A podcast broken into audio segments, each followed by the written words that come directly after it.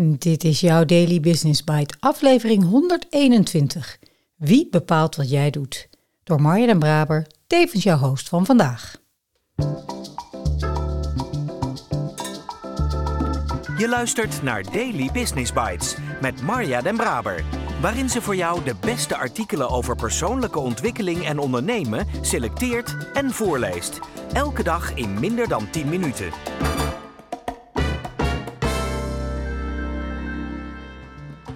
Dit is de podcast waarin ik jou, en eerlijk gezegd ook mijzelf, enkele van de beste artikelen en blogs op gebied van ondernemen en persoonlijke ontwikkeling voorlees.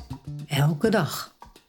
Op gebied van ondernemen en persoonlijke ontwikkeling worden oneindig veel artikelen geschreven. En wellicht ontvang je zelf ook wel elke dag artikelen in jouw inbox. Dus dank dat jij de moeite neemt om naar deze podcast te luisteren, om te groeien en jezelf te ontwikkelen. Laten we snel beginnen.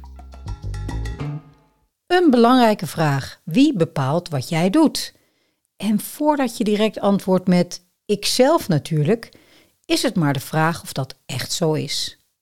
Focus is al vaak een onderwerp van dit blog geweest en dat is niet voor niets. Elk business traject, training of coaching begint met deze vraag. Wat wil je bereiken? Wat is jouw gewenste uitkomst? Wellicht ben je net teruggekomen van een weekje vakantie en wacht een overvolle inbox geduldig op je voor je eerste werkdag.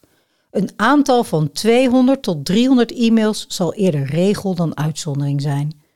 Onze belangrijkste tips vind je aan het einde van het blog. Een tip voor nu?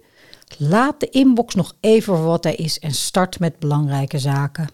Alsmaar aangroeiende to-do-lijstjes, een overvolle agenda en een dito-inbox. Dit is vast herkenbaar voor jou als manager, zeker wanneer je zowel inhoudelijk sterk als zeer betrokken bent. Soms heb je zelfs het gevoel dat je toch niet bereikt wat je wil bereiken, dat je misschien zelfs wel de allerbelangrijkste zaken laat liggen en dat knaagt aan je.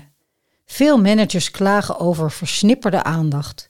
Net als jij kost het hen soms moeite om hun focus te bepalen en vast te houden. De dagelijkse praktijk, waarin nu bijna alles online is en juist iedereen iets van je wil, speelt je parten. Lijstjes, lijstjes, lijstjes. Jouw korte termijn oplossing kan zijn dat je nog meer takenlijstjes maakt. Daarmee hoop je de waan van de dag het hoofd te bieden. Op die lijstjes kun je echter alleen het hoogst noodzakelijke kwijt, zoals de opleverdatum van een interne klus en harde afspraken met de leverancier. Deze belangrijke zaken schieten er dan vaak bij in aandacht voor je collega's en je eigen team, zeg maar, vlooie tijd. Openstaan voor iemand met een wellicht interessant idee. Voldoende tijd besteden aan het begeleiden van een nieuwe medewerker, want hoe doe je dat nu online? Eindelijk eens een realistische planning maken. Reflecteren op leerervaringen met je collega's. Zo raak je soms gemakkelijk het zicht kwijt op jouw positie in de groep, waardoor je geloofwaardigheid wordt aangetast. Weet jij niet waar je collega's en medewerkers voor warm lopen of juist een sik van krijgen, dan kan jullie verstandhouding verslechteren. Maak jij geen tijd vrij voor reflectie of inspiratie, dan komen waardevolle, dus tijd of geld besparende en innovatieve ideeën niet boven water.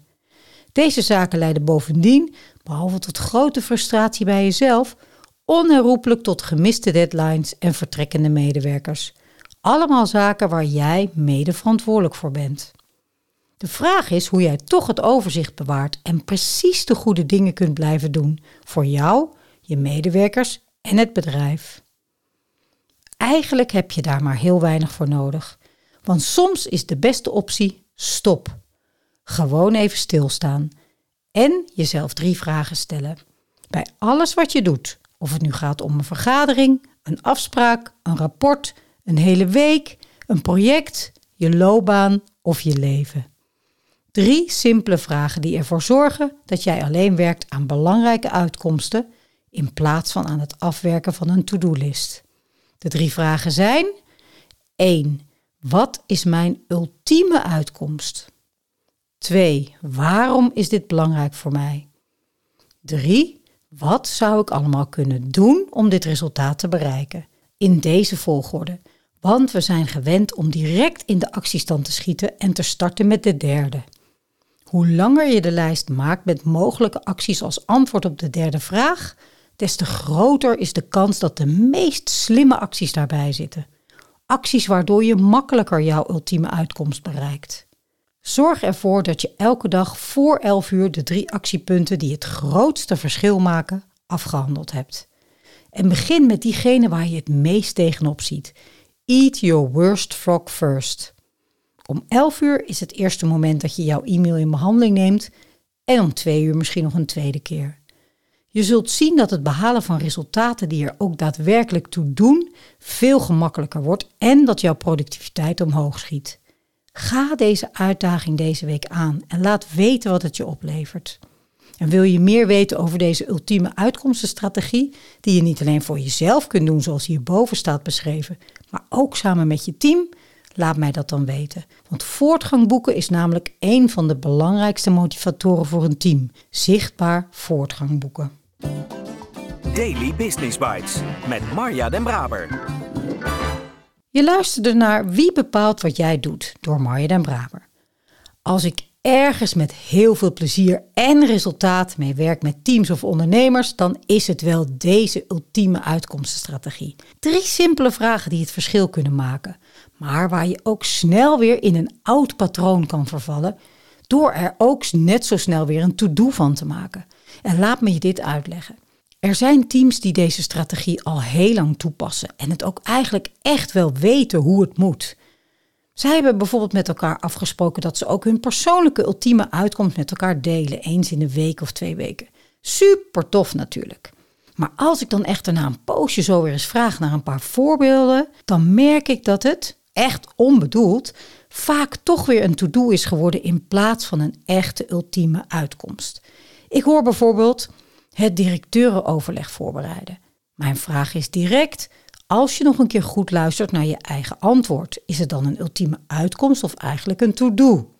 Een retorische vraag uiteraard. Het is een to-do en het is gebeurd voordat je er erg in hebt. Dus de volgende echte vraag is: vertel me, wat wil je bereiken in of met dit directeurenoverleg? Wanneer verlaat jij dit overleg met een glimlach op je gezicht die er de komende twee weken op blijft? Wat is er gebeurd als je direct jouw team wilt vertellen wat voor een geweldig nieuws je hebt? Wil je een bepaald besluit genomen hebben? Wil je ze informeren over een belangrijk risico? Wil je het meest toffe compliment voor een resultaat van jouw team ontvangen? Wil je een slimme actie uit laten voeren door een van de directeuren? Wat wil je? Wat is je ultieme uitkomst? En waarom? Met welk doel? Voel je het verschil? Verwar een ultieme uitkomst niet met een to-do. Je gaat vrijwel zeker andere, meestal slimmere dingen doen als je jouw ultieme uitkomst echt weet en ook als je waarom groot genoeg is. Oké, einde pleidooi. Spreek je morgen.